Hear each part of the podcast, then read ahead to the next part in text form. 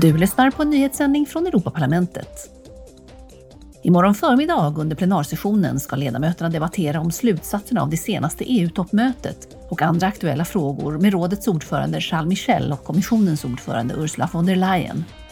Toppmötet handlade mest om den senaste utvecklingen i Rysslands krig mot Ukraina och hur man bäst fortsätter att stödja landet. Imorgon ska också ledamöterna välja en ny vice talman sedan Eva Kaili i december fråntagit sin position efter att ha blivit huvudmisstänkt i en muthärva. Belgiska åklagare anklagar Kaili för penningtvätt och för att ha varit verksam i en kriminell organisation. Under veckans plenarmöte ska ledamöterna diskutera med rådet och kommissionen om den senaste tidens avslöjanden om Ubers lobbyverksamhet i EU. Man vill få klarhet i hur situationen ser ut för Ubers förare i EU och hur pass mycket Uber har påverkat arbetstagares rättigheter och sociala rättigheter. Du har lyssnat på en nyhetssändning från Europaparlamentet.